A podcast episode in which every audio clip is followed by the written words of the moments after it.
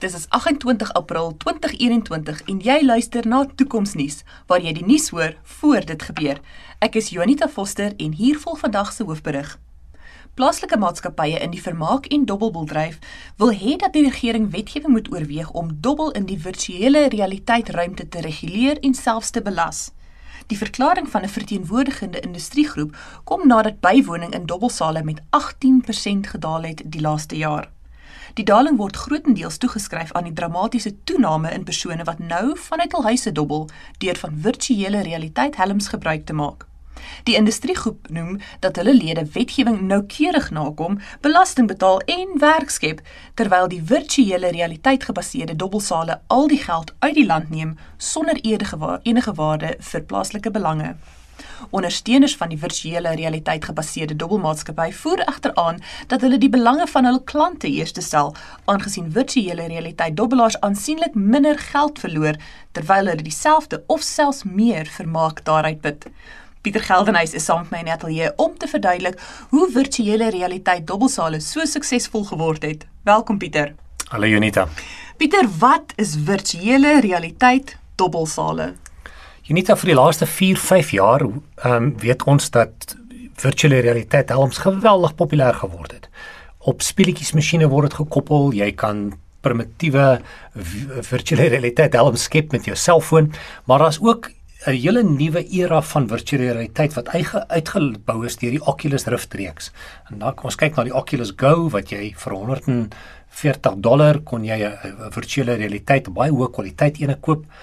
Ehm um, Dit beteken dat al hoe meer mense virtuele realiteit helms begin gebruik het. En een van die toepassings daarop was VR poker. En wat jy dan kan doen, is jy sit hierdie virtuele realiteit helm op en ewe skielik verskyn daar 4 of 5 avatare reg rondom jou.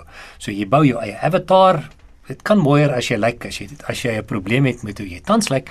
Maar Jy kan jou avatar bou en dan verskyn jy voor ander avatare met ander mense wat fisies daar sit. En wat die virtuele realiteit helm ongelooflik goed maak, is dat as jy praat, dan beweeg die avatar se lippe.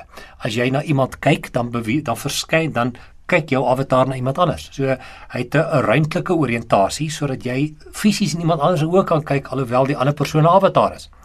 Iemand wat nog nie 'n virtuele realiteit helm opgehad het nie, sal dit nie verstaan nie, maar ek dink teen hierdie tyd in 2021 het 'n geweldige klomp mense dit al ervaar.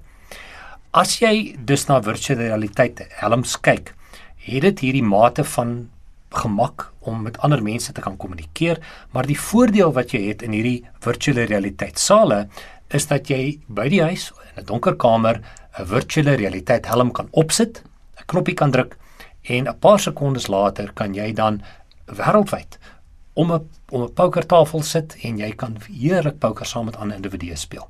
En dit is wat hierdie virtuele realiteit sale is. Dit is nie net 'n skerm waarna jy kyk wat baie eenvoudig is nie. Dit is baie baie naby aan die ervaring wat jy het soos wat jy werklik binne in 'n werklike casino sal ervaar. Is dit deel van die rede hoekom ons sien dat mense verkies om in 'n virtuele realiteit omgewing te speel eerder as in 'n fisiese omgewing of is daar ander redes? Wel, as jy nou dieselfde ervaring wil hê, dan is dit eenvoudig om 'n helm op te sit en op 'n knoppie te druk en 'n minuut later is jy besig om te speel in plaas daarvan om jou kar te klim en al die pad na 'n casino toe te ry en om 'n ervaring te hê wat baie baie dieselfde is. Ehm um, daarom verkies mense dit. Ek persoonlik is mal daaroor want Partykeer sit jy rondom 'n tafel met iemand wat regtig 'n klomp bog praat. En op virtuele realiteit het jy die vermoë om eenvoudig jou beheerder te vat, oor die persoon se kop te hou, 'n knoppie te druk en jy kan hom glad nie meer hoor nie. En veral mense soos ek wat so nou en dan van poker hou, is dit baie lekker om in die virtuele realiteit omgewing te kan poker speel. Wat gebeur in die die brein van die dobbelaar in 'n virtuele realiteit omgewing? Is dit dieselfde? Kan mense verslaaf raak? Hoekom raak mense verslaaf aan dobbelary? Daar is hierdie interessante storie van hierdie persoon wat oorlede is en hy word toe wakker in 'n dobbelsaal en hy wonder wat het hy dan reg gekry om in 'n dobbelsaal wakker te word. En die ou by die deur sê van kom in, kom speel en hy kom speel ehm um, roulette en hy sit sy geld op een klompie op, op 'n nommer en hy wen en hy doen dit weer en hy wen en hy doen dit weer en hy wen en hy doen dit weer en hy wen en na 'n uur het hy soveel skyfies hy weet nie wat om daarmee te maak nie en na 'n dag raak hy regtig moeg hiervoor want maak nie saak wat hy doen nie hy wen En hy gaan toe na die ou by die deur en sê van luister, ek wil na die ander plek toe gaan. Die ou sê hom hierdie is die ander plek. 'n Wêreld waar alles dieselfde bly. En dit is wat ons as mense anders maak. Ons soek nuutheid, ons soek dinge wat interessant is. Dis hoekom ons heeltyd na ons fone kyk. Dis hoekom ons na nuus kyk op ons fone of nuus luister op die radio, want ons hou van die nuutheid. En die nuutheid het 'n impak op 'n chemikalie met die naam dopamien in jou brein. En hierdie dopamien gee vir jou 'n 'n gevoel van opgewondenheid. En hulle het dit selfs met muise probeer, waar 'n muis 'n knoppie gedruk het en kos gekry het en dan die dopamien afgeplat. Maar deur die knoppie te druk en die, en die kos wat nie uitkom nie, het die onvoorspelbaarheid ingekom en dit het die dopamien vlakke in die in die dak laat inskiet. Dieselfde gebeur met mense. Die onvoorspelbaarheid van hierdie handkaarte wat jy kry, skei dopamien in jou in jou brein af. En dieselfde dopamien afskeiding kry jy in 'n virtuele realiteit omgewing as in 'n werklike omgewing. En dis waar die verskil inkom.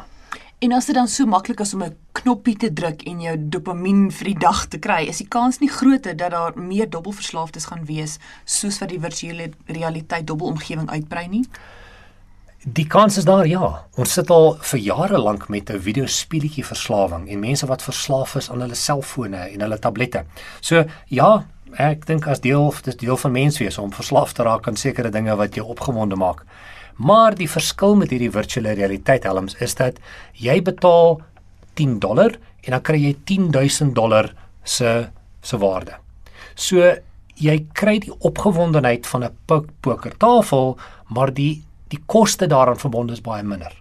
En daarom is die impak daarvan, die hoeveelheid geld wat jy verloor, baie minder en ek dink dis jy's een van die redes hoekom die bestaande dobbelhuise 'n groot probleem het met hierdie tegnologie. Dankie Pieter. Die virtuele realiteit dobbelmaatskappye het ondersteuning uit 'n onverwagse hoek gekry. Die Nasionale Raad van Skuldberedders het in 'n verklaring van hul eie gesê dat alhoewel dobbelverslawing 'n probleem is, hulle vind dat mense wat in virtuele realiteit sale dobbel, baie minder in skuld verval as hul landgenote wat dit op die tradisionele manier doen. Dit was Pieter Geldenhuys en Jonita Foster vir Toekomsnuus, waar ons die moontlikhede van die toekoms ondersoek. Vir meer inligting oor die tegnologiese onderbou van hierdie en vorige episode, volg gerus die Toekomsnuus Facebookblad.